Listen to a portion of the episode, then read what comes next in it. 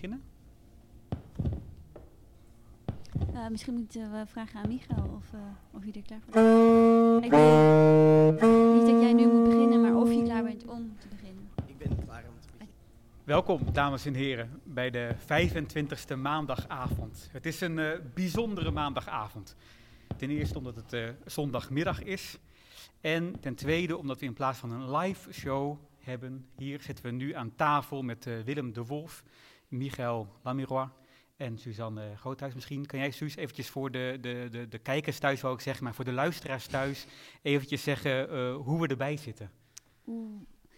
Uh, je bedoelt letterlijk? Uh, ja. Um, Oké, okay, we, we, zitten aan een lange tafel, waardoor we dus niet anders kunnen dan anderhalve meter afstand te, te houden. Er staan allerlei microfoons die jij heel goed hebt opgesteld. Um, wat nog meer? Laptops, glazen water. Misschien denk ik nu niet heel verstandig, die combinatie. Maar uh, ja, dat is het, denk ik. Uh, Willem de Wolf ja. zit er ook hier. Ja. Uh, nog iets toe te voegen aan hoe we hier zitten? Nou ja, dat ik dacht van, want, maar dat ga je straks natuurlijk zeggen, dat Rebecca er niet is. Nee. En, ik, ik, op de fiets hier naartoe dacht ik van, omdat Rebecca, ik de Rebecca zo lang niet heb gezien, dat ik dacht van hoe ga ik die nou begroeten? Als ik die nu werkelijk zou begroeten, dan zou ik echt heel erg verlegen voelen, omdat ik heel veel zin zou hebben om haar te omhelzen. Ja. Daar hoef ik me dus niet echt Wij hebben het gewoon gedaan, Willem. Ja? Freek en ik hebben elkaar omhelst. Ja. We, we, het, het, kon niet anders. Nee, Rebecca is met uh, man en kind bij ons, zeg maar straks via de videochat. Die, ja. die breekt dan later nog in. Belangrijk is ook dat we hier uitkijken op een lege tribune. Ja. Uh, waar u dus eigenlijk had moeten zitten. Dat kan dus helaas niet vanwege de gekende redenen. En daarom hebben we besloten deze maandagavond dus in podcastvorm de wereld in te helpen.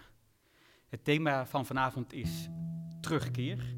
Voor mij persoonlijk betekent dat ook een uh, terugkeer in mijn tweede vaderland. Ik ben voor het eerst in 2,5 maand terug in mijn kantoor, in onze zaal, in deze stad, in dit land. Het was een, vreemde gewaarwording om de landsgrens die ik sinds mijn achttiende als Nederbelg uh, wekelijks meerdere keren ben gepasseerd, gedachteloos ben gepasseerd, voor het eerst echt te voelen. Ik moest stoppen met de auto. De politie vroeg aan mij wat ik hier kwam doen. Ik liet een brief zien waarin werd verklaard dat mijn bezoek aan België dringend was en ik mocht door. Alsof ik een soort middeleeuwse ruiter was, die tegen de ridders die hem staande hielden kon zeggen: Ik heb een vrijgeleide van de landsheer, een brief van de koning, ik kom in vrede, laat me door. Maar het werkte. Waar ik blij mee ben dat het werkte. Ik ben blij dat ik hier weer terug ben.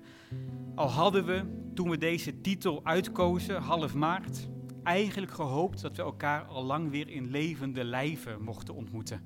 Dat we na die twee, drie weken even tanden op elkaar zetten, in mei toch zeker wel weer gewoon opgepropt in een klein zaaltje, lichaam aan lichaam, zouden kunnen samenkomen.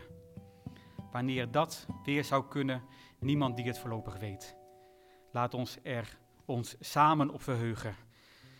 Niets te vroeg dus om het over het thema de terugkeer te hebben. Dat doen we dus samen met Willem de Wolf, met Suzanne Groothuis, Rebecca de Wit.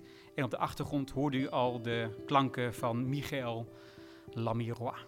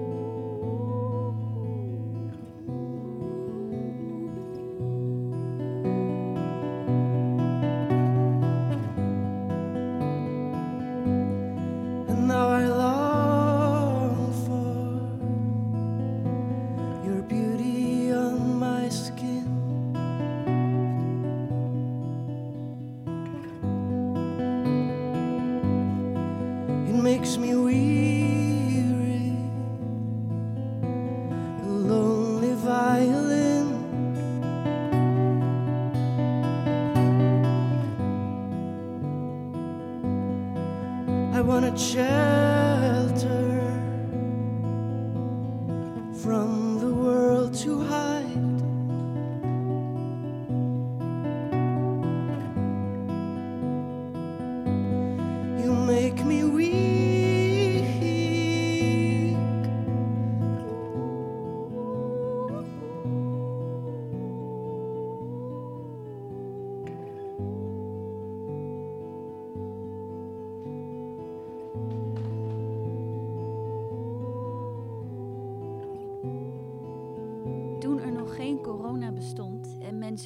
vakantie gingen, heb ik eens een vliegtuig genomen naar de andere kant van de wereld. Letterlijk. De vlucht duurde 28 uur met een overstap in Dubai, waar ik een ontbijt of avondmaal, dat is niet duidelijk, heb genuttigd in de McDonald's. En na nog een overstap in Melbourne kwam ik eindelijk een dag en een half rond later aan op Tasmanië. En Tasmanië is niet zo bekend. De meeste mensen gaan naar the mainland, zoals ze dat noemen. Naar de opera in Sydney of the Great Barrier Reef. En de Tasmanen verklaarden me dan ook voor gek dat ik zoveel tijd en geld had gespendeerd om enkel naar dit kleine eiland te komen. Nu, waarom ik daar was, had echter een heel specifieke reden. Ik had namelijk een paar jaar daarvoor een wandeling gemaakt in Australië. Twee weken helemaal alleen met een tentje door een eindeloos grote woestijn. En de taxichauffeur die mij met zijn four-wheel drive jeep taxi bij het beginpunt van die tocht afzette, had mij tijdens de urenlange hobbelige rit uitgebreid verteld over zijn leven. Hij was acht jaar lang paprika-plukker geweest, waardoor hij heel veel tijd had gehad om na te denken. En hij zei dat hij daar wel eens een boek over wou schrijven. Wat ik een uitstekend idee vond en waardoor ik nog steeds in boekenwinkels uitkijk naar de memoires van een paprika-plukker. Daarna was hij een jaar of tien wandelgids geweest en nu dus jeep-taxichauffeur in dit verlaten stukje wereld. En hij had als gids gewandeld in Chili, in Japan, in Canada, overal ter wereld. Dus ik vroeg hem wat nu eigenlijk de mooiste wandeling ter wereld was. Nog nooit had ik die vraag kunnen stellen aan iemand die het waarschijnlijk echt wist. Hij keek me aan met een enorme glimlach, waardoor zijn Australisch gebruinde perkamenten huid in honderden rimpels trok en hij zei: Nou, de wandeling die je nu gaat doen is behoorlijk mooi. Echt prima wandeling. Maar de mooiste, tja, daarvoor zul je naar Tasmanië moeten gaan. En dus een woestijnwandeling en twee jaar later stond ik hier nu in het Tasmaanse regenwoud op een berg in de mist. De Overland Track. Die loopt dus door Tasmanië over een bergrug, langs hoogvlaktes en gletsjermeren en door een stukje regenwoud. En ik had me bij regenwouden eigenlijk altijd een jungle voorgesteld, waar het warm is en orang-oetangs door de bomen slingeren. Maar zoals dat beeld ook al lang niet meer juist is, bleek dus dat er ook zoiets als een koud regenwoud bestaat. Een soort regenwoud op IJsland of in Schotland, als het ware. En dat betekent dat je een wandeling maakt met een warme trui aan door een koel en mistig eucalyptusbos met bomen van soms wel 100 meter hoog. 100 meter wil dus zeggen zo hoog als de Sint-Pieterskerk in Rome. Met stammen waar je met z'n drieën omheen kunt staan zonder elkaar te raken.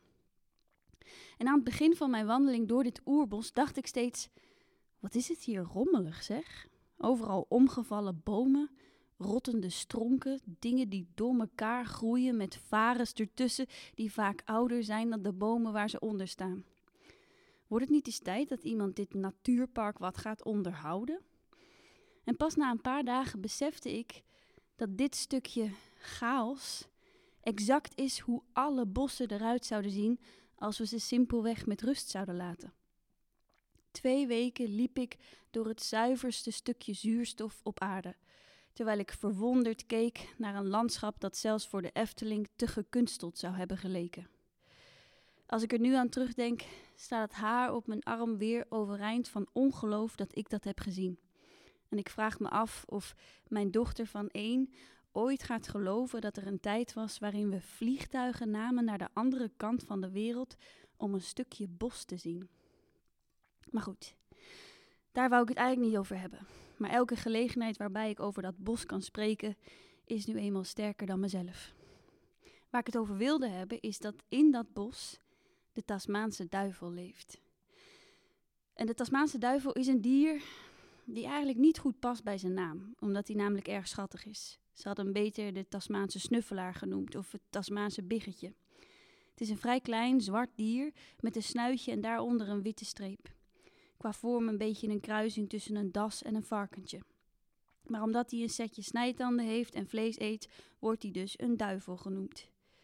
Moeten wij dan niet ook een naam krijgen die beter bij onze menukaart past dan mens, vraag ik me af. In ieder geval zou je op een kinderboerderij denk ik twijfelen tussen het knuffelen van deze duivel en een babygeitje. Ik heb dat trouwens met alle Australische dieren. De koala, de wombat, een soort kleine teddybeer die gras eet, en de wallaby, die behoren tot mijn top drie dieren die ik volg op Instagram. Maar goed, dat even terzijde. De Tasmaanse duivel dus. En tijdens mijn paar weken op Tasmanië kwam ik steeds meer posters tegen met daarop Red de Tasmaanse duivel. Steun het fonds voor de Tasmaanse duivel. We are running out of time voor de Tasmaanse duivel. Zelfs politici hadden op hun verkiezingsposters staan minder belasting en het behoud van de Tasmaanse duivel. Blijkbaar was dit dier, terwijl ik daar op vakantie was, aan het uitsterven. Er waren er letterlijk nog maar een paar honderd over en die zaten allemaal samen in quarantaine op een klein eiland waar niemand naartoe mocht. Enkel de Tasmaanse duiveldokter om te zien of alles goed ging. En er was namelijk een virus rondgegaan bij dit kleine dier. Die een soort tumor veroorzaakte aan de mond, waardoor ze niet goed meer konden eten en stierven van de honger. En dit gruwelijke virus werd als een soort herpes overgedragen van mond op mond. Het probleem is echter dat de Tasmaanse duivel elkaar begroet door neusje neusje te doen. Iedere keer als twee duivels elkaar tegenkomen, ergens onder een oeroude eucalyptusboom, gaan ze tegenover elkaar staan met hun snuitjes tegen elkaar. Ze doen het niet echt met een reden, althans niet een reden die de wetenschappers konden ontdekken. Het was niet om territorium af te bakenen of een geur te checken bij elkaar. Het is gewoon hun manier van elkaar begroeten. Hun twee kleine neusjes tegen elkaar de hele dag door, bij alle soortgenoten die ze tegenkwamen. Een soort Italiaanse mannetjes die elkaar de hele dag omhelzen en kussen op de wang. En zo had dit mondvirus zich dus in een paar maanden tijd verspreid over bijna alle Tasmaanse duivels. En ze stierven aan een tempo ongezien in de geschiedenis van dit dier. Ze hadden de komst van de blanke man, de oorlogen met de Aboriginals, de ontbossing, de vervuiling, de klimaatverandering allemaal doorstaan. Maar nu werden ze dus uitgeroeid door een virus en hun neiging tot elkaar te knuffelen. Wetenschappers waren in paniek. Ze hadden alles geprobeerd: een medicijn, een vaccin te vinden, het afzetten van leefgebieden, maar niets hielp en nu waren er bijna geen duivels meer over. En in een laatste poging om dit dier te redden, hadden ze een aantal dus apart gezet, in hokjes uit elkaar. En ze voor de zekerheid dan ook maar op een eiland in quarantaine gezet, afgesloten van de rest van de wereld. En ik denk aan Darwin en hoe dit dier zonder deze maatregel zou uitsterven, tenzij er per toeval een asociale duivel zou ontstaan, die zijn soortgenoten niet wil begroeten en dus het virus ook niet meer zou overdragen. En als die asociale duivel dan asociale kinderen zou krijgen, er dan misschien een nieuwe soort zou ontstaan. Ik vraag me af of het bij ons hetzelfde zal zijn. Zullen we na een paar jaar corona een nieuwe soort worden? Een die niet meer samenkomt, elkaar niet aanraakt? En zullen we dan nog lief hebben? Ik zoek tijdens het schrijven van deze tekst nog eens op hoe het eigenlijk met ze gaat, zoals ik de afgelopen twee jaar al zo vaak heb gedaan. Hoe is het met de Tasmaanse duivel? Google Enter. En terwijl ik mijn ogen bijna niet kan geloven, lees ik een artikel van een half jaar geleden. Het blijkt dat wonder boven wonder, zonder dat de wetenschappers eigenlijk snappen hoe het kan, de duivel een nieuw immuunsysteem aan het ontwikkelen is. Eentje die het virus blijkbaar overwint. Het immuunsysteem zou ons zelfs iets kunnen leren in de onderzoeken tegen kanker, zegt een wetenschapper uitgelaten. En de eerste duivels werden al met succes losgelaten op het vasteland. Ik denk aan dat gekke eiland aan de andere kant van de wereld. Een stukje land, wilder en ouder dan de hele aarde bij elkaar. En ik stel me voor hoe die paar overgebleven zwarte diertjes weer hun neuzen tegen elkaar aan aan het wrijven zijn, omdat dat verlangen nu eenmaal sterker was dan zijzelf. Een verlangen zo sterk dat het zelfs hun cellen en DNA kon veranderen. PS. Ik kijk naar de datum van het nieuwsbericht en ik zie dat dit geschreven werd een paar weken voordat hun habitat, het eeuwenoude oerbos, in vlammen opging. Maar dat laat ik in het licht van het goede nieuws maar even terzijde.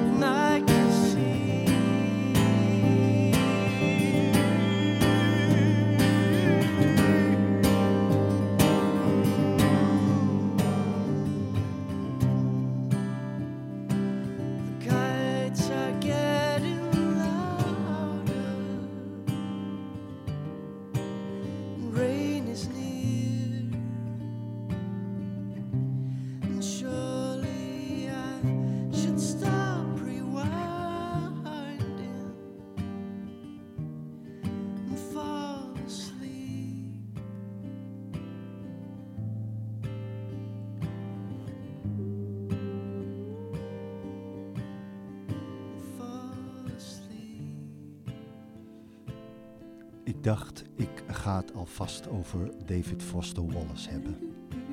Over de in eh, 2008 door zelfmoord om het leven gekomen Amerikaanse schrijver David Foster Wallace. Waar de nieuwe tijd, Hof van Ede en de Koe zich de komende tijd mee bezig gaan houden.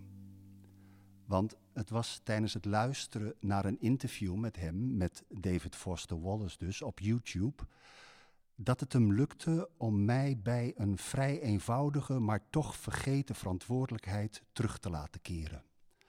De verantwoordelijkheid namelijk om als kunstenaar de focus niet op jezelf te richten, maar op iets anders. Op iemand anders vooral, op de ander. David Foster Wallace had het in dat interview over het beschermen van de ander. En dan vooral de ander in de hoedanigheid van personage. Het beschermen van het personage. Want de ander, dat is een personage. Misschien is het ik uiteindelijk ook een personage, maar de ander is het zeker. Daaraan aandacht te besteden, daar begrip voor op te brengen, die beschermen. In het werk, in het denken, bij politieke afwegingen, in de tekst. Ik vond dat, terwijl ik hem erover hoorde praten, meteen uitdagend. En ergens toch ook vertrouwd. Ik vermoedde namelijk dat ik me daar al eens eerder mee bezig had gehouden. Met de ander. Maar dat ik het was vergeten. En dat het dus nu weer bij me was teruggekeerd. En het is misschien niet vreemd dat ik er juist nu weer gevoelig voor ben. Nu in de quarantaine. Waar sowieso veel uitdagend is en tegelijkertijd ook vertrouwd. Er keren in ieder geval nogal wat vergeten gewaande gewaarwordingen bij me terug. Niet alleen de hernieuwde kennismaking met de ander dus, maar ook door Skype en Zoom-gesprekken een hernieuwde nieuwsgierigheid, een hernieuwde kennismaking met de context van de ander, met de spullen van de ander, de herkomst, de plaatsing, de rangschikking, de omgeving van de ander dus. Meer nog dan het gezicht en de woorden, de omstandigheden. Want ik heb nog nooit zoveel tijd gehad, sowieso lange tijd niet zoveel tijd gehad, om onbekommerd naar andermans schilderijen, boekenkaften, behang, muren, foto's, meubelen, passerende, pratende en spelende familieleden te kijken en me, al, bij al, en me er van alles bij voor te stellen. Op een of andere manier een al even uitdagend en vertrouwd gevoel, dat ongegeneerd kijken. Het herinnert me aan hoe ik als kind met mijn moeder in het huis van de buren rondkeek en zag dat de ander het anders had, het anders deed, de plaatsing, de rangschikking. Ik kom, bedacht ik me nu, gewoon niet vaak genoeg meer bij mensen thuis. Ik weet eigenlijk niet meer waarmee ze zich omringen. Het decor waarin ik, waarin ik de ander zie, is een stuk onpersoonlijker en eenvormiger geworden met de afspraken die alleen nog in het koffiehuis plaatsvinden of, of bij de pain quotidien. Ik vind het een van de belangrijkste nieuwe percepties van deze periode. Inzicht in de omgeving van de ander door Zoom. Ze wordt er opnieuw en anders door omlijst, de ander. Er in zekere zin ook anders door omschreven. En daar was het Foster Wallace in dat interview volgens mij ook om te doen. In het beschrevene de aandacht van jezelf af te houden en naar de ander om te buigen. Je in ieder geval op de beschrevene te richten en niet op de beschrijver. Niet op de schrijver. Onthoud dat nou, onthoud dat weer. Het gaat om het doorzicht, de opening, een inzicht in de ander. Een gevoeligheid, een nauwkeurigheid. Foster Wallace had het in dat opzicht ook over talent, over gave en geven. Wat doe je met een jou toebedeelde gave? vroeg hij zich af. Nou, die geef je weg. Die geef je aan de ander weg. Dit inzicht heeft me een volle dag plezier bezorgd. Soms kort onderbroken door een irritatie. Dat laatste omdat ik me realiseerde dat ik er toch op gewezen moest worden. Dat die impuls blijkbaar terug moest keren. Terwijl ik er wel juist met dat soort intenties in de kunsten ben opgevoed. Het gaat niet om jou, het gaat om de ander. In welke hoedanigheid dan ook. Publiek, personage, ja zelfs de criticus. Ik, ik wijd de langzame verdwijning van, van dit voornemen, van dit principe, niet alleen maar aan mezelf, maar ook aan deze tijd. Deze economie-centrische en egocentrische tijd, die waarschijnlijk meer oorspronkelijke ambities heeft weggenomen of aangetast. Ik moet dat eens aan mijn broer vragen. Hij somt ze waarschijnlijk moeiteloos voor me op. De verschillen tussen de pretenties waarmee ik ooit 40 jaar geleden vertrok en de aanpassingen waarmee ik dan af en toe bij hem terugkeer. Mijn broer, nog zo iemand, zo'n ander, zo'n personage waar ik veel te weinig aandacht aan besteed, ondanks dat ik er toch veel, toch veel aan hem denk. Overigens heb ik vandaag niet alleen aan mijn broer gedacht, maar ook aan een aantal collega's, aan een aantal collega-kunstenaars, ook andere, ook personages, waarvan ik vind dat ze die altruïstische blik, waarover Foster Wallace het heeft, al van zichzelf in zichzelf hebben. Ik bewonder ze, vervloek ze ook een beetje. Ze hebben ruimte over, vind ik. Bij hen is er dat surplus en in dat surplus zit dan de ander, zit dan de wereld. Ze lijken steeds heel goed in staat om op een lichte, bijna, onmerkbaar, bijna onmerkbare manier onvermoeibaar hun principes te blijven handhaven. Door bijvoorbeeld in interviews de aandacht van zichzelf af te wenden en subtiel naar hun intenties en onderwerpen af te buigen. David Foster Wallace doet dat in dat YouTube-filmpje ook heel knap, vind ik. Hij herstelt zich telkens bijna onzichtbaar, zonder enig verwijt, van de vermoeidheid die hem overvalt als de interviewer hem weer een vraag over hemzelf stelt. Dus over hoe het is om een bekende schrijver te zijn. Vragen dus naar het verband tussen het geschrevene en de autobiografie van de schrijver. Interviewers denken toch vaak dat ze daarmee iets op het spoor zijn. Hè? Het idee dat inzichten in het personage bij de schrijver zijn te vinden. Want ja, die heeft ze toch bedacht. Maar wat nu als we het personage autonoom verklaren? Wat nu als we haar als een weliswaar gelezen en geschreven mens beschouwen, maar haar tegelijkertijd, ook voor de schrijver, als een onbekende zien? De ander. Het personage dus als een zelfstandig opererende mogelijkheid. Want wat ik vooral uit de oproep van Foster Wallace begreep, was zijn bezorgdheid over dat we in ons werk en denken nogal gemakzuchtig met de ander, met het personage omspringen. Dat we haar te klakkeloos voor onze eigen inzichten in, inzetten. Voor de functionaliteit van het verhaal of om er iets aan op te hangen. We leggen de ander, het personage, van alles in de mond zonder haar iets te vragen. Dit imperialisme over het denken van de ander, van het personage, is natuurlijk vooral politiek te interpreteren. Maar ik noem die machtsverhouding voor deze gelegenheid ook gewoon even kunst. Dus de zeggingskracht van jezelf in de ander. De verplaatsing van je biografie in de ander. Sowieso die handeling. Je verplaatsen. Je verplaatsing. Waarbij het niet van belang is, denk ik, of het om een bestaande ander in de wereld, een, bestaand personage in het repertoire gaat, of dat we de ander nog helemaal moeten construeren. We zetten haar gewoon naar onze hand. Er ligt in die zin nogal wat machtsvertoon in hoe we zeggen of schrijven dat de ander is.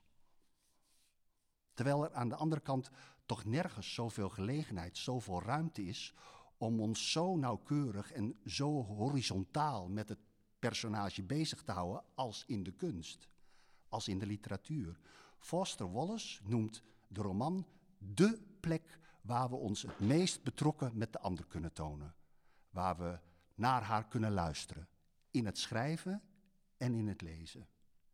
Nergens kunnen we zo langdurig, zo uitvoerig en zo secuur met haar omgaan.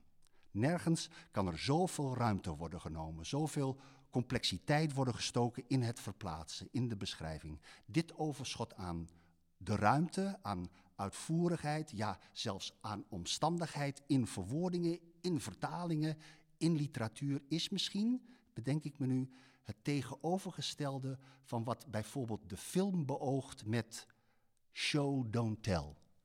Foster Wallace wil, denk ik, tell. In lange zinnen, in voetnoten, in zeer uitgebreide uiteenzettingen, ja, in diagnoses van de gemoedstoestanden van de ander. En misschien is het waar. Misschien zit er, als we het vergelijk tussen literatuur en film nog even doortrekken, een soort inherente effectiviteit in het beeld. Als je in film iemand wilt laten passeren, dan brengt het lichaam van de acteur de associaties, de innerlijke bewoordingen mee. Daar kan, je dan, daar kan dan naar worden gekeken, zonder het te moeten beschrijven. Natuurlijk, wel in het voorstadium, in het maakproces, maar niet in het resultaat. In het product, in de film, moeten er juist zoveel mogelijk beschrijvingen, zoveel mogelijk woorden vervangen worden door beeld. Show, don't tell, schrapt en comprimeert. Wil je diezelfde passage in een roman, dan zal die vermoedelijk langer zijn. Als je tenminste mogelijke details wilt oproepen. Puur productioneel is het verwoorden in het resultaat waarschijnlijk langduriger. En ik krijg soms de indruk dat als, Foster, dat als ik Foster Wallace lees, dat het hem daarom ook te doen is. Dat het hem niet alleen om het inzicht in de ander als zodanig gaat, om de zo goed mogelijke schets, om een treffend beeld, maar om volledigheid, om integraliteit, om moeite, om tijd, om inspanning, om voortduring. Hij maakt duur en volume tot mogelijke equivalenten van aandacht.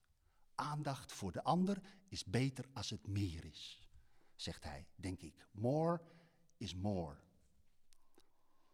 Zo'n vergelijk tussen die twee media gaat natuurlijk ergens mank. Al was het maar omdat de werkelijke verbeelding, de persoonlijke associatie, niet het beschrevene of het getoonde is, maar eruit voortkomt. Aan de andere kant is het ook zo dat als je die persoonlijke associatie vervolgens wereldkundig wilt maken, je die dan toch wel weer moet beschrijven. Als, je daar tenminste, als je haar tenminste aandacht geeft, als je haar aan een ander wilt doorgeven. Kijk, het is niet uitgesloten dat ik Foster Wallace helemaal verkeerd heb geïnterpreteerd. Dat ik, hem, met, dat ik met hem aan de loop ben gegaan. Dat ik hem naar mijn hand heb gezet. Omdat het me goed uitkomt. Een, een pleidooi voor het maken van meters. Omdat ik met mijn afkomst sowieso graag denk in termen van tijd, van werk, van klaar en vrij.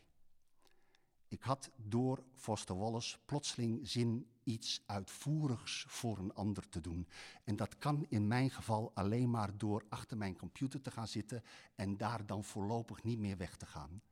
De weerzin die ik daartegen ook heb en die ik toch ook nu een beetje voel, leg ik mezelf gewoon als een prachtig mooie opoffering uit. Meer is het eigenlijk niet. Nog een kleine gedachte over het verschil tussen het beeld en het woord. Kijken kan kort. Kijken kan ook van een afstand. Het kan iets anoniemer dan luisteren, denk ik. Want luisteren naar de ander, werkelijke aandacht voor de ander is, is dichtbij. Door van dichtbij te luisteren, door van dichtbij te luisteren, laat je je ook identificeren. Lezen is ook dichtbij. Het is dicht op het product. Luisteren, lezen en schrijven zijn misschien het dichtste bij. Op fluisteren na dan. Fluisteren is qua luisteren het allerdichtste bij. In ieder geval, door dat interview met David Foster Wallace vond ik plotseling dat ik het over haar moest gaan hebben. Over haar, over wie ik het nooit heb. Over haar, waarvan sommigen, mijn vrouw bijvoorbeeld, het stuitend vinden dat ik zo weinig over haar spreek. Over haar, die vrouw, de vrouw die nauwelijks aandacht krijgt. De vrouw die nauwelijks aandacht krijgt, maar er naarmate ze ouder wordt wel alsmaar meer om vraagt. De vrouw dus die niet berust in haar toestand. Zoals we wellicht, naarmate we ouder worden, meer en meer geneigd zijn om te doen. Omdat het ergens misschien ook iets relatiefs heeft, vinden we aandacht vragen voor jezelf. Zeker als je denkt er voldoende van hebt te hebben gekregen. Iets wat we van de vrouw die nauwelijks aandacht krijgt niet kunnen zeggen. En dat gaan we ook niet doen. Want we gaan het over haar hebben. Uitvoerig. Zo uitvoerig dat ik moet uitkijken dat alleen de inleiding niet al zo lang wordt dat ik het helemaal niet over haar ga hebben, maar toch weer over mezelf. De vrouw die veel te weinig aandacht kreeg, is mijn moeder. En het personage dat haar veel te weinig aandacht geeft, ben ik. Can I draw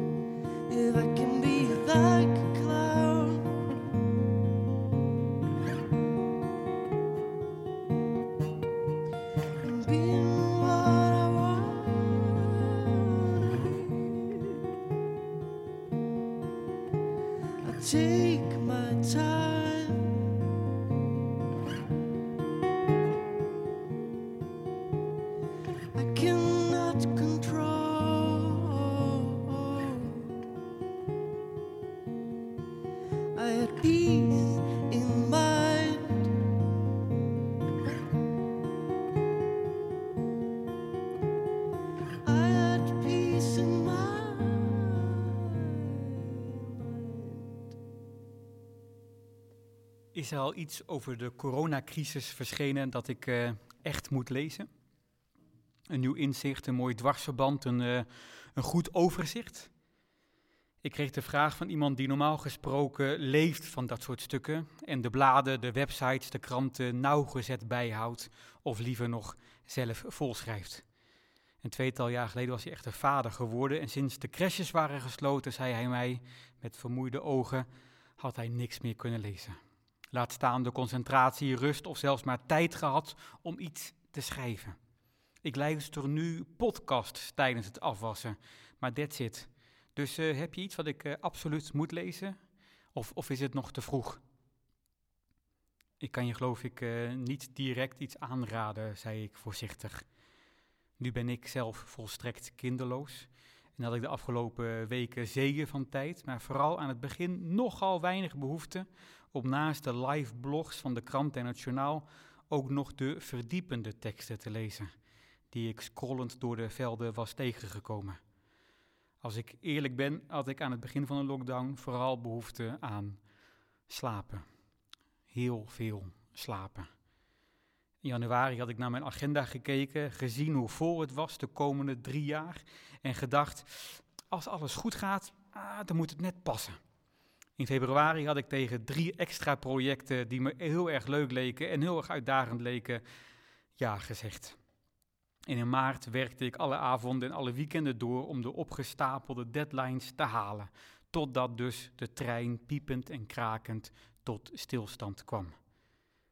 Ik heb ooit geleerd dat je tijdens het klieven van hout je nooit moet proberen om je bel te stoppen of tegen te houden als je mislaat.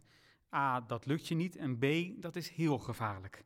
Je moet enkel de neergaande kracht dwingend naar de grond begeleiden, zodat het ijzer daar en niet in je scheenbeen tot stilstand komt.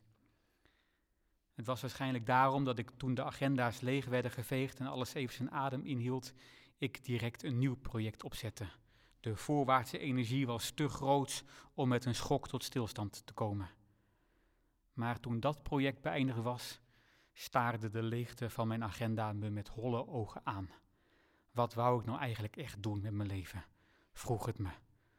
Voor toch zeker een halve middag. Toen viel ik in slaap. En begon hetgeen wat ik in de analen graag opgenomen wil hebben als het grote slapen. In de ochtenden lukte het me nog een beetje om te schrijven, maar in de middag kon ik simpelweg mijn ogen niet open houden. Zou dit misschien mijn natuurlijk ritme zijn, dacht ik. Zou ik nu eindelijk door deze lockdown ontdekken wie ik echt ben, dacht ik. Sinds mijn puberteit fantaseer ik af en toe al om een tijd als kluizenaar of op een onbewoond eiland uh, door het leven te gaan. Ik heb ergens het idee opgedaan dat ik dan, zonder de externe prikkels en de inmengingen, mijn dagen doorbrengend eindelijk zou kunnen zien wie er overblijft van mij.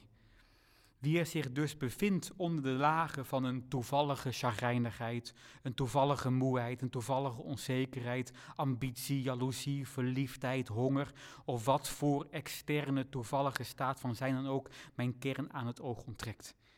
Ik ben dus misschien wel iemand die ochtends moet werken en 's middags moet slapen, dacht ik. Weer wat geleerd. Zoals altijd al geneigd tot het trekken van veel en voorbarige conclusies. Na twee weken slapen was het ineens voorbij. En waar jonge ouders mij trots konden vertellen, kwamen vertellen dat hun kroost eindelijk een hele nacht doorslaapt, vertelde ik in die dagen iedereen die het horen wou en ook zij die dat niet wilde, met trots dat ik weer hele dagen wakker kon blijven. En ik begon langzaam naast de liveblogs ook de kranten weer te lezen. Ik las over de verpleegsters die na extreem lange dagen uitgeput naar huis moeten over de zorg waarop bezuinigd werd in slechte dagen en nu in nog slechtere dagen klaar moet staan. Ik las over de mensen die ziek werden, de achterblijvers van hen die stierven, over de uitvaarten die in alle kaalheid verliepen, over de mensen die zich herstelden, maar voor wie de ziekte diepe sporen naliet, over de eenzamen die nu extra eenzaam zijn in hun huis, over geliefden die hun liefde terugvonden of juist definitief kwijtraakten voor elkaar. Over de armen die met te veel mensen op een te kleine kamer zitten. Over de kinderen voor wie een huis niet veilig is en nu de school verloren als schuilplek. Over ondernemers en economische crisis. Ik las wat artikelen waarin werd aangeraden om deze tijd te gebruiken. Om nu eindelijk echt iets bijzonders te doen of te leren of te maken. En genoeg artikelen die juist dat idee hekelden. We beleven deze pandemie niet hetzelfde, schreven de artikelen waar er gehoopt werd dat het virus niet zou discrimineren tussen arm en rijk, wit en gekleurd, geprivilegeerd en achtergesteld, lijkt de pandemie de bestaande verhoudingen enkel te verscherpen. Arm wordt dubbel zo hard getroffen als rijk.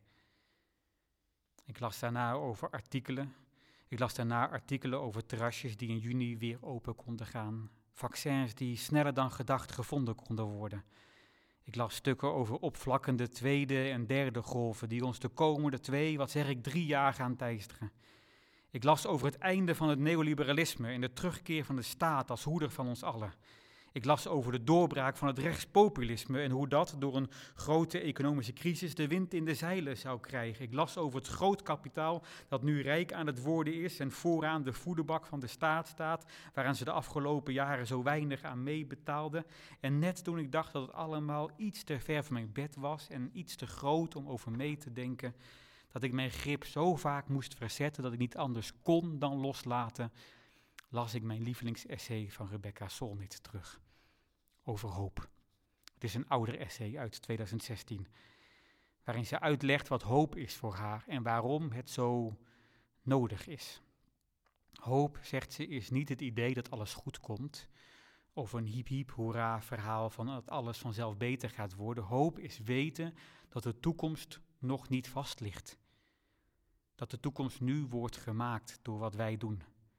Een van de kenmerken van depressie is, zegt zij, is, dat het idee, is het idee dat de situatie zoals hij nu is altijd zo zal blijven, schrijft ze. In die zin leefden we in depressieve tijden. En je opponenten vinden het heerlijk als jij gelooft dat het hopeloos is, dat je geen macht hebt, dat het geen zin heeft om actie te ondernemen, dat je toch niet kunt winnen. Maar de waarheid is dat er voortdurend zaken veranderen. En als deze tijd iets bewijst, is het wel hoe snel hoe drastisch alles kan veranderen. Hoezeer alles op losse schroeven kan komen te staan. Embrace the, the unknown, schrijft Solnit. Want de onwetendheid is de ruimte om tot actie te komen. Dus ik belde die jongen op. En ik zei dat ik net iets had gelezen, wat ik toch wel de moeite waard vond. Het stond op de ingezonde brievenpagina van de Volkskrant. En omdat ik weet dat hij dat niet zou kunnen lezen als ik het hem zou mailen, dacht ik het hier in deze podcast het speciaal voor hem even voor te lezen. De luchtvaart. In een tijd waarin regeringen in heel de EU nu miljarden in het redden van de luchtvaart pompen, valt het des te meer op dat er vooral nationaal wordt gedacht en niet Europees. Willen we werkelijk terugkeren naar de oude situatie? Waarin vliegvelden en luchtvaartmaatschappijen passagiers van elkaar proberen af te snoepen met bodemprijzen. Uitbreidingen van luchthavens erdoor drukken omdat ze anders de slag verliezen met de buurlanden. Of ten strijde trekken tegen een tickettax met verwijzingen naar passagiers die vanuit de buurlanden zullen gaan vliegen. Het is toch niet wenselijk dat Charleroi, Brussel, Schiphol, Düsseldorf en Eindhoven met elkaar concurreren? Als er één sector om een Europese oplossing schreeuwt, dan is het de luchtvaart. Laten wij in godsnaam de kans grijpen de luchtvaart nu te Europeaniseren. Dus niet nationaliseren, maar als EU gezamenlijk de hele luchtvaart overnemen en tot staatssector maken. Dan kan er eindelijk een rationeel luchtvaartbeleid worden opgezet dat past binnen de klimaatdoelstellingen van Parijs. Waardoor we eindelijk kunnen werken met een reële prijs, waarbij de tijd van voor 20 euro een weekend naar Barcelona gaan definitief voorbij is. Heren en dames politici, neem die sector over, die toch al permanent aan de subsidieinfuus hangt. Maak er een normale sector van en zo goed voor de werknemers en maak van de luchtvaart openbaar vervoer. Getekend Kees Kodde. Nou is dit nu natuurlijk niet aan het gebeuren.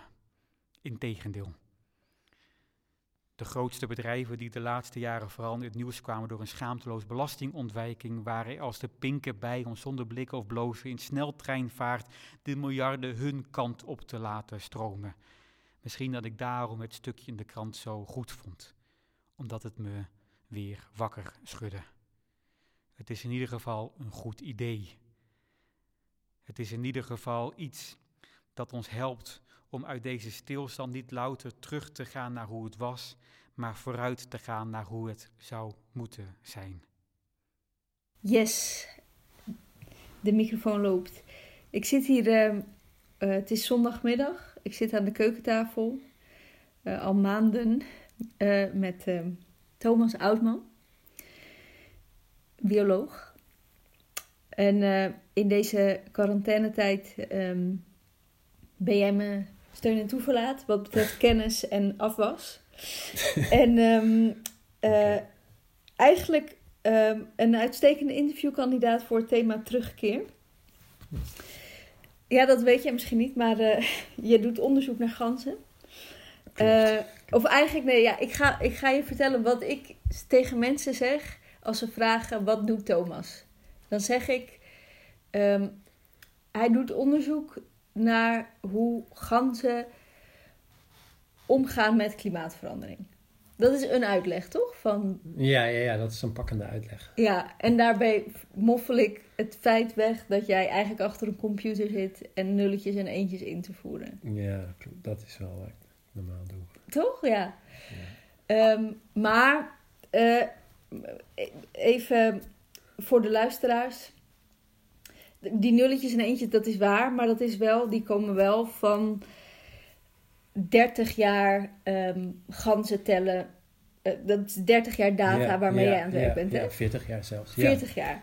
Um, en wat voor, wat voor, um, wat voor ganzen. Misschien moet je uitleggen wat, uh, wat dat voor uh, data is waarmee jij onderzoek doet. Nou ja, het gaat over ganzen inderdaad. In specifieke brandganzen. Dat zijn kleine zwart-witte gansjes. Eigenlijk hele mooie dieren.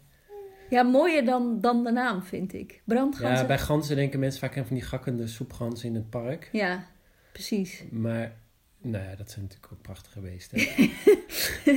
ja. maar, maar brandganzen zijn echt heel mooi. Die zijn Ja. ook veel kleiner. Zijn eigenlijk maar iets groter dan wilde eenden. Ja, En die maken een heel schattig geluid. En als je ze vangt, zijn ze ook stil. Dus lopen ze niet zo te sissen. Zoals soepganzen. Als je in een gatje kijkt of ze een mannetje of een vrouwtje zijn, zoals dat laatst gewoon gebeuren. Echt? Ja. Wauw. Ehm, en eh, je hebt heel veel in Nederland, maar de populatie die ik onderzoek, die overwintert in Schotland op de grens met Engeland, aan de, aan de, aan de westkust. En die, over, die, die broeden in, op uh, Spitsbergen. Dus dan vliegen ze uh, 2.500 kilometer naar het noorden, langs de Noorse kust, uh, om op Spitsbergen te gaan broeden. En dan weer terug. Naar herfst. Schotland? Nee. In de herfst weer terug naar Oh ja. Schotland. Ja. En dat zijn twee dezelfde plaatsen. Dus dan gaan ze terug naar, nou ja, naar het ad- adres waar ze zeg maar in Schotland Ja, ja, waren. ja, het is heel bizar, want Eh, ja, in heel Nederland heb je brandganzen, maar die populatie in Schotland gaat naar eigenlijk bijna één specifiek weiland terug. Dat is echt een, een, een plek van 4 bij 4 kilometer of zo, de Solway Firth. Eh is een, een, een beschermd gebied ook, eh, om die reden. En eh, daar gaat, gaat de hele populatie, alle 40.000 dieren, gaan daar naar terug. Dus het is daar ook eh, behoorlijk druk Zo. in de winter. En denk je dat ze dan ook op die 4 bij 4 kilometer Ik weet niet precies naar hetzelfde hoe- hoe hoekje gaan, of niet? Oh ja, dus ja, vast. Ja, dat weet ik niet. Maar de, de, ongetwijfeld zijn er zeg maar structuren. Dus sowieso leven ganzen wel een beetje in familieverband. Sowieso met hun partner en vaak lang, lang nog met hun jongen. Maar ook eh, vrouwtjes blijven in de buurt van hun zussen meestal bijvoorbeeld. Oh ja. Ja. Maar dus, dus, dus oké, als je vertrekken van Schotland naar Spitsbergen dan, ja. daar broeden ze. Dat betekent dat er daar ehm, ganzen worden geboren. Zeg je dat? Ganzen worden geboren? Ganzen worden Ja. uitgebroed? Ja, ja, bij vogels is het natuurlijk een beetje wanneer word je geboren. Ja. Als je uit wordt gepoept als ei of als je uit het Ehm, ei komt. Nou ja, dus als je zichtbaar bent voor jullie. Ehm, en dan gaat een babygans dus voor het eerst terug naar de plek waar zijn ouders vandaan komen. Of Ja. zeg maar waar zijn ouders. eh, en die vliegt dan ehm, zijn ouders achterna, basically. Ja, nou meestal eigenlijk niet. Ongeveer 20% van de jonge ganzen blijft bij hun ouders het eerste jaar. Dus ongeveer, inderdaad, dus ongeveer maar, maar een klein deel eigenlijk, 20% die vliegt met zijn ouders weer mee terug. En de rest van de dieren, die, die, die, die, die raakt al eerder los van zijn ouders. Of hij wordt weggestuurd, of hij gaat zelf er vandoor. Dat weten we eigenlijk niet hoe, Oh. dat, hoe dat gebeurt. Maar eh, ja, die worden zelfstandig. Maar dan vliegen ze wel met andere ganzen weer mee. Ja, We denken dat, dat, wel, dat de ervaren dieren de weg leiden. Als je Oh, zo'n ja. vee ziet vliegen in de lucht, dat Ja. blijken ook eh, vaak dezelfde individuen te zijn. En oudere individuen en ouders. Dus een beetje zoals bij ons ook, toch? Dat de mensen die de weg weten. Ja, Alhoewel, ja. ja het is ook heel logisch eigenlijk. Hè, als je, maar ja, toch is het niet hoe, hoe biologen er eigenlijk tot nu toe vaak over nadachten. Want hoe dachten ze erover na? Nou, dieren worden vaak wel gedacht dat ze zeg maar, een soort van geprogrammeerd zijn om gewoon iets te doen. Ja, Maar in het geval van ganzen is het gewoon echt niet zo. Dan leren ze echt van, van oudere dieren waar ze heen moeten. En in hun eentje zouden ze het totaal niet verzinnen. Niet eens überhaupt om te gaan Ja. migreren. oh ja. Dat, ook dat is aangeleerd gedrag. Ja, ja, ja, waarschijnlijk wel. En denk je dat, eh, ehm, dat dat dus nu een soort voor die specifieke kolonie dan... Want er zijn ook ganzen die niet migreren, toch? Ja. Ja, dat dat dan ook een gewoonte is, blijkbaar? Ja, ja, er zijn sinds de jaren tachtig eh brandgansen ook die in Nederland broeden. En Oh, dat ja. is waarschijnlijk begonnen doordat... eh want brandgansen worden ook wel gehouden door boeren al Ja. heel lang. En dat dat ontsnapte dieren zijn. Oh, En die dus ook niet weten waar ze heen moeten en gewoon blijven. Maar dat dat dan werkt en dat hun jongen ook gebleven zijn. En nu is dat, nu broeden er in, in Nederland meer brandganzen dan op Spitsbergen. wow. Ja. Wat grappig. Stel, ja, ik zit me nou voor te stellen dat, ze, dat eh, die, ga, die ganzenkolonie die jij dan bestudeert daarachter komt. En dan zich ineens best wel genaaid voelt. Dat ze zeg maar vet vaak vliegen. ja, dat ze ook gewoon op hun plek hadden kunnen blijven. ja, ja. Ik vind het sowieso bizar om te bedenken dat ze zo'n grote investering doen. Ja, 2500 kilometer vliegen en weer terug, elk jaar. En die jongen doen het ook gewoon, die broeden nog helemaal niet. ja. Die vliegen gewoon voor spek en bonen even mee. Maar waarschijnlijk ook wel, ja, leren ze daar gewoon heel veel van. En 2500 kilometer, hoe lang doen ze daarover? Een paar dagen. Maar ze stoppen, ze stoppen in het midden, Oh ja, in, in Noorwegen, om, eh, om nog flink veel gras te eten. oh juist. Om op te vetten. Ja, en dat is, is dat niet ook waar jij een soort eh, eh, met, de, met het, ja, eh, de Ja. data die je hebt gebruikt, een soort iets hebt ontdekt over hun ja, gedrag? ja, ja, dus daar hebben we net een stuk over uit en daar heb ik veel aan gerekend. Dat, dus van origine gingen al die ganzen naar, tot, tot de jaren negentig gingen alle ganzen naar Midden-Noorwegen, naar Helgeland en dan stopten ze daar. Oh ja, trouwens, luisteraars, voor als jullie af en toe een piepje op de achtergrond horen, dat is eh, een 14 jaar, eh, jaar, 14 weken oude baby. Die, ehm, Die we samen gemaakt die we hebben. samen gemaakt hebben. En die, eh, ja, die kon ik niet interviewen. Dus ehm, ja, precies. Sorry, ik ga verder. Helgeland. Ja, sinds de jaren negentig gaan er in één keer ook beesten naar, eh, naar, naar ehm, hoe heet het. Dat is boven de Lofoten. Dus dat is echt bijna het noordelijkste puntje van Noorwegen. Ja. In plaats van in het midden. En we zien dat steeds meer dieren dat doen. En we hebben ontdekt dat het ook dezelfde dieren zijn die, die eerst naar die traditionele plek gingen, naar Helgeland, en nu naar de nieuwe gaan. En het zijn de jonge dieren vooral die, eh, die switchen ook. En is het dan dus, begrijp ik het goed, dus ze gaan met z'n allen min of meer tegelijkertijd van Schotland richting Spitsbergen. Ja, En dan even tanken in Noorwegen. ja dus dat duurt soms wel drie weken. Dat tanken. blijven ongeveer drie weken. Oh ja, precies.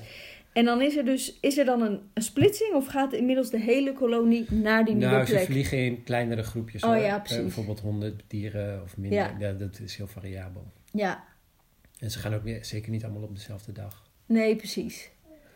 Maar, maar, het is, maar jullie spreken wel over één eh, kolonie. Ja, dus het, ja, we noemen dat één populatie. Of Omdat, populatie, dat, omdat ja. dat inderdaad die dieren...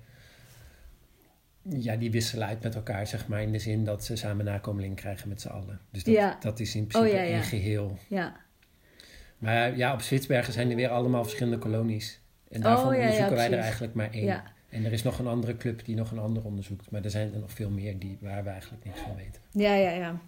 Ehm, maar om terug te komen op die, die tussenstop. ehm, eh, want daar, daar zit best wel iets ehm eh, opzienbarends is daar aan de hand. Omdat ze namelijk hebben in... Jij kan het beter uitleggen dan ik. Maar als mensen naar vragen, zeg ik... Ja, er zijn dus ganzen die ehm, vroeger op een ene plek... eh, dus inderdaad een tussenstop hielden. En nu naar een andere plek zijn gaan. En dat heeft, nou ja, de, over de, de core, of zeg maar de loop van 20 jaar Ja. is die plek veranderd. Ja, ja, nu gaat echt de meerderheid naar die noordelijke Ja. plek. En we denken dat dat, ja, dat is bijna wel zeker dat het ook komt door klimaatverandering. Dus we hebben ook gekeken, ja, op basis van satellietbeelden eh, en, en weersgegevens naar de grasgroei. En dan zien we dat de, de grasgroei is bijna een maand opgeschoven in de afgelopen 40 jaar. Dus waar vroeger begon het gras eh, op die traditionele plek eh, te groeien in, eh, in april. Precies als die beesten er waren eigenlijk. En nu al in maart. Dus tegen de tijd dat die dieren daar aankomen is het gras al wat ouder. Oh ja, En ze eten graag jong gras, want het is veel makkelijker te verteren. juist. Er zit minder cellulose in. Oh ja. En, en nu, zeg maar, tegenwoordig is het gras dus precies goed als die ganzen er zijn in die noordelijke plek. Want hoe noordelijker je komt, hoe later het gras begint met groeien, omdat het kouder is. Ongelooflijk. Maar dat moet dan toch... Ja, hoe, wat, is jouw verklaring? Hoe moet dat dan gebeurd zijn? Dat je dus dat een gans iets eet en denkt, "Mwah, matig. Nou, dat is precies wat we ons afvroegen. En daar, Ja. daar, daar zit ik dus al die nulletjes en eentjes voor in te typen de hele tijd. ja. Eh, want ik maak dan eigenlijk, want we kunnen het niet vragen aan die ganzen. En je kan ook niet echt een experiment doen, omdat dit dus gaat over jaren en jaren van ervaring. ja. Dus je kan niet zomaar even dat nabootsen of zo. Dus de, wat we nu hebben gedaan is, dus we hebben die 40 jaar aan data, ook op individueel niveau. Dus we weten echt van individuen, Ja, van wat oh hebben ja. die het ene en het volgende jaar gedaan en wat hebben hun nakomelingen weer gedaan. En heb ik een computersimulatie gebouwd. Eh, waarin ik het precies de populatie eigenlijk eh, simuleer. Dus hetzelfde aantal individuen en die hebben dan...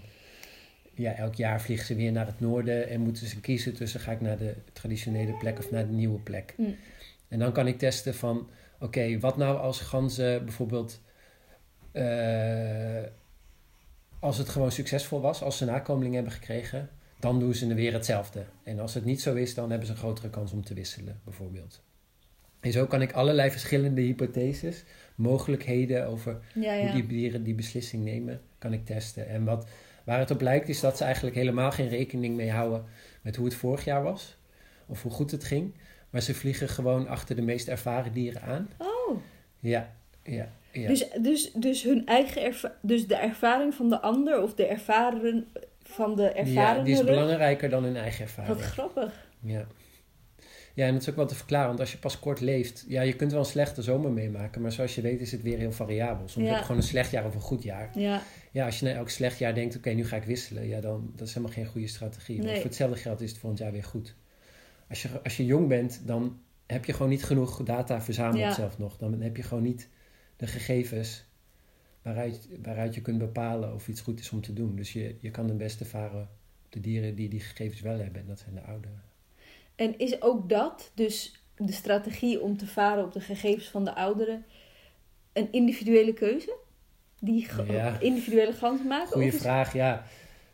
Ja, waar, waar, je, je kan zeggen, misschien is een dier dan niet geprogrammeerd om dit of dat te doen, maar wel geprogrammeerd om ouderen te volgen. Ja, ja, precies. Eh, ja, ja, in zekere zin is dat misschien wel zo. Ja, zijn, die, zijn die dieren wel, zeg maar, van, hebben die vanuit zichzelf de neiging om dat zo aan te pakken? Ja, ja. Zijn het eigenlijk groepsdieren? Ja, Ganzen? zeker. Ja, Ja, ja. ja. En, en hebben ze dus ook. ehm, he- heeft elke kolonie of populatie dus een, een, een eigen soort. Ja, gedrag is misschien een groot woord, maar een soort manier van doen of zo? Ja, ja, ja. Dus wij noemen, wij, wij noemen dat wel cultuur. Ja, ja, Dus, precies. ja, ja, ja, verschillende groepen hebben wel verschillende culturen. En er zijn, Ja. Dus we kijken nu van waar gaan die beesten heen om, eh, om op te vetten in de lente. Ja, Maar er zijn natuurlijk eindeloos veel beslissingen die ze moeten maken. Waar je allemaal kan leren. ja, Wat we bijvoorbeeld zien is dat, dat jongen heel vaak verloren gaan. eh, worden opgegeten door meeuwen. Op het moment, dus die dieren broeden tegenwoordig op eilanden. ja, En dan eh, komen die jongen uit het ei en dan na een paar dagen kunnen ze een beetje lopen en zwemmen. En dan gaan, willen die ouders ook zo snel mogelijk van het eiland af. Omdat er eigenlijk geen eten is op het eiland. Oh ja. Er is wel wat gras, maar omdat we met zoveel ganzen zitten, is het gewoon kaal. Dus dan springen ze van de rots in het water en dan zwemmen ze naar het land toe. Maar daar worden, meeuwen, worden, worden jongen vaak gepakt door meeuwen. Maar je ziet dat sommige ouders echt heel goed zijn in het beschermen van hun jongen. En anderen heel slecht. oh, Dus dat is, dat is bijvoorbeeld ook iets wat, je, wat dieren leren. ja, ja. Wat die ganzen zelf leren van hoe, eh, hoe moet ik me gedragen zodat mijn jongen het overleven.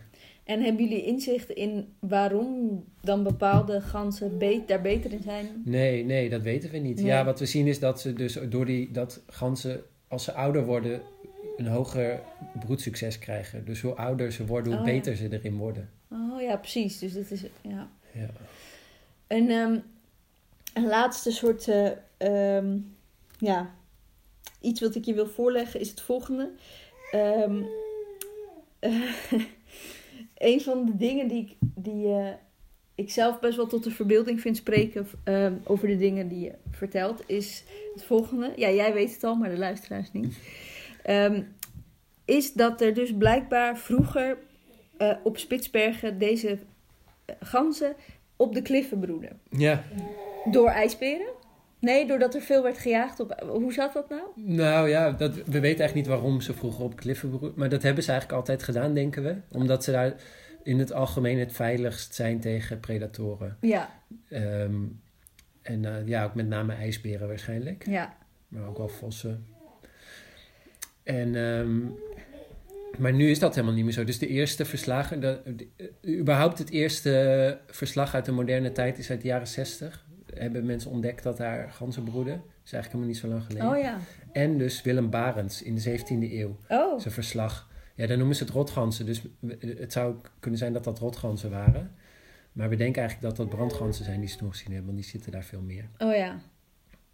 Maar ja, hoe het toen zat weten we natuurlijk Nee, niet nee, zeker. precies. Maar goed, anyway, sorry. Ja, Eh, ehm, ze zijn dus van die rotsen afgekomen. Eh, ja, in de jaren zeventig werd er enorm veel gejaagd op ijsberen op Spitsbergen. En toen is die populatie ook enorm gekelderd. En had je in de lente eigenlijk geen ijsberen meer op Spitsbergen. Die gingen allemaal met het ijs mee naar het noorden. Ehm, eh, want in de winter is Spitsbergen onderdeel van de noordelijke ijskap. Ja. Zo noordelijk ligt het. Dan is het zeg onderdeel van de Noordpool. Maar in de zomer smelt die ijskap voor een groot deel. Die schuift veel naar, meer naar het noorden. En dan wordt Spitsbergen een eiland in de zee. Ehm, maar nu... eh, eh, en toen zijn die ganzen... Zijn de, zijn de rotsen afgekomen. Die zijn op de eilanden gaan broeden. Ook omdat de populatie weer toenam. Want in de jaren 60 waren er maar nog iets van een paar honderd ganzen over, omdat ze veel bejaagd werden. Eh, eh, in Noorwegen en ook in, in eh, Groot-Brittannië. Toen ze weer toenamen, zijn ze naar die eilanden gegaan Ja. en zijn ze daar gaan broeden. En daar, daar zitten ze veel dichter bij het gras dan op die rotsen. En dat is allemaal veel makkelijker en er kunnen veel meer dieren broeden. En, en nu broedt er geen gans meer op de rotsen daar. En, maar wat ook het geval wil, is dat sinds eh, de jaren 2000, sinds 2004 om precies te zijn, er weer ijsberen in het gebied zijn in de lente. Die mogen niet meer bejaagd worden. En bovendien eh, is er steeds minder ijs voor hen om te jagen. Dus we denken dat zij ook bewust de keuze maken om achter te blijven op Spitsbergen in de zomer. En daar langs de kust op eten te jagen. En, eh, en in de lente eten ze vooral ganzeneieren. En één zo'n ijsbeer, die kan zo 500 eieren opeten. Dus Ja, die, die, rooft dan zo'n hele... Ja, tic-tac. Ja, inderdaad. Daar komt het wel op neer. Ehm, eh, Ja, dus die rooft zo'n hele kolonie in ja, één middag. ja, ja, ja, een soort ja. snack. Ja, dus het is eigenlijk helemaal niet zo'n goed idee meer dat die ganzen, voor die ganzen om op die eilanden te broeden. En ze zouden eigenlijk weer terug moeten naar die rotsen. Maar, en dat vind ik dus zo ongelooflijk, er is, als ik het goed begrijp, geen enkele gans meer in leven die weet hoe je dat moet doen. Of dat ooit nog Ja. gedaan heeft. Ja, dus wij gaan elk jaar braaf heen om te kijken van wanneer gaan die ganzen naar die rotsen. Ja, Maar die blijven gewoon leeg. En we denken dat dat komt omdat dat dus inderdaad gewoon cultureel bepaald is Ja. door die ganzen waar ze gaan broeden. En ja, vergeten is vergeten. Er moet er weer een nieuwe gans komen die denkt van... eh, jongens, ik ga het eens even helemaal anders doen. ja. Maar en ja, het, dat, ja, eh, dat moet gaan uitvinden. Ja, ja. Ja, dat is... Ja, hoe gebeurt dat, hè? Ja, geen idee. Ja, hoe, ik, eh, ik moet daar best wel vaak aan denken als ik nu in deze coronatijd. ehm ja, niet dat ik denk dat, dat wij als mensheid eh, terug naar de rotsen moeten of zo. Maar wel dat er gewoon. ehm, dat we anders moeten gaan leven. Of bijvoorbeeld dat we ons. Dat straks er nie- niemand meer in, le- in leven gaat zijn die nooit zonder mobiele telefoon heeft geleefd. Dat wij nog zeg maar kunnen zeggen. Ja, ons toch al bijna niet meer kunnen herinneren hoe je dat dan deed. Ja, Afspreken ja, en zo. Ja. Ehm, en denk jij dat. dat ehm, zie, zie jij dat voor je? Dat ganzen dat dan weer terug kunnen gaan leren? Mm. Of, of heb je. Of, heb je Ja, ik denk het wel. Ik, er, zijn, er zijn wel andere plekken waar ganzen nog wel in die rotsen broeden. Oh ja. Dus wat ik me bijvoorbeeld voor kan stellen is dat de, dat de uitwisseling... Want soms gebeurt dat. Eén op de zoveel duizend ganzen komt in de verkeerde populatie terecht. Omdat hij gewoon wegwaait en toevallig ergens terecht komt. ja. En dat is bijvoorbeeld wel een mogelijkheid. Dat er dus... Dat hij letterlijk wegwaait, bedoel je toch? Ja, ja, ja. Oh. Ja, op de Noordzee, eh, ja, ze moeten dan een paar Ja. honderd kilometer zee oversteken. En Ja. dan als het stormt, dan eh, gaat het regelmatig mis. Maar goed, dat er dus iemand die dat dus wel gewend is, Ja. een gans, dat dan wel gaat doen. Zo, zo gebeuren dingen. En dat iemand zegt, hè, check hem. Met zijn. Ja, dat die jongen krijgt en dat die jongen het ook weer gaan doen. Of dat andere, ja. andere jonge dieren die op zoek zijn naar, naar een nestgelegenheid eh, zich aansluiten. Ja. En is dat, want dat lijkt me best wel een inge- ingewikkeld iets als je dus, of laat ik het zo zeggen, ehm, broeden in de kliffen ten opzichte van op het land gewoon een soort bosje takken neerleggen in plaats van op die rots. Eh, Best wel ingewikkeld. Ja, Is, denk je dat dat ehm, in één generatie te leren is? Of dat dingen over meerdere generaties ook een ja. soort van geleerd worden en verbeterd? Ja, zeker. Zeker wordt het verbeterd. Het, is, het kan wel snel gaan. Hè? Je kan in één generatie... Kan, eh, kan, zeg maar die, die verplaatsing dus naar dat noordelijke pleistergebied... dat zoiets in Ja. Noemen, dat ze, dat ze gaan bijtanken. Dat is in twintig jaar gegaan. Dat is basically eh één of twee uh, ganse generaties. Oh ja, want een gans wordt... Ja, die kunnen wel eh 20, 30, 40 worden. Oh ja, ja. Dus je kunt veel leren in een gansleven. Ja, man. Ja. Ehm, ik ga even kijken hoe lang we al bezig zijn. 22 eh, en een half minuut. Hmm. Ehm, dan denk ik dat we het hierbij moeten laten.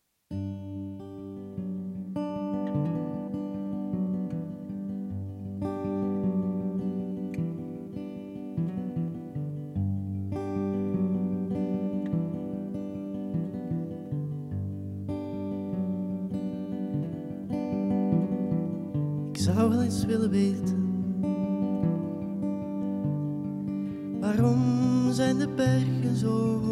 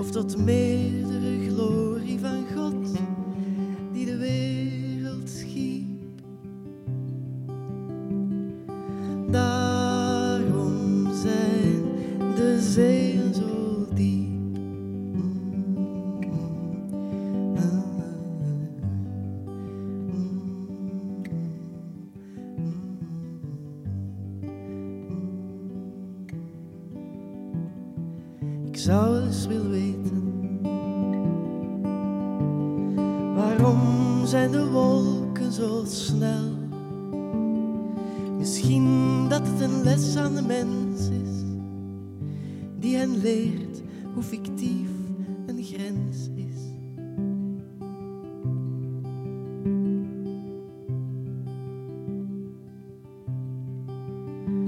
Of misschien is het ook maar eenvoudig een engelenspel.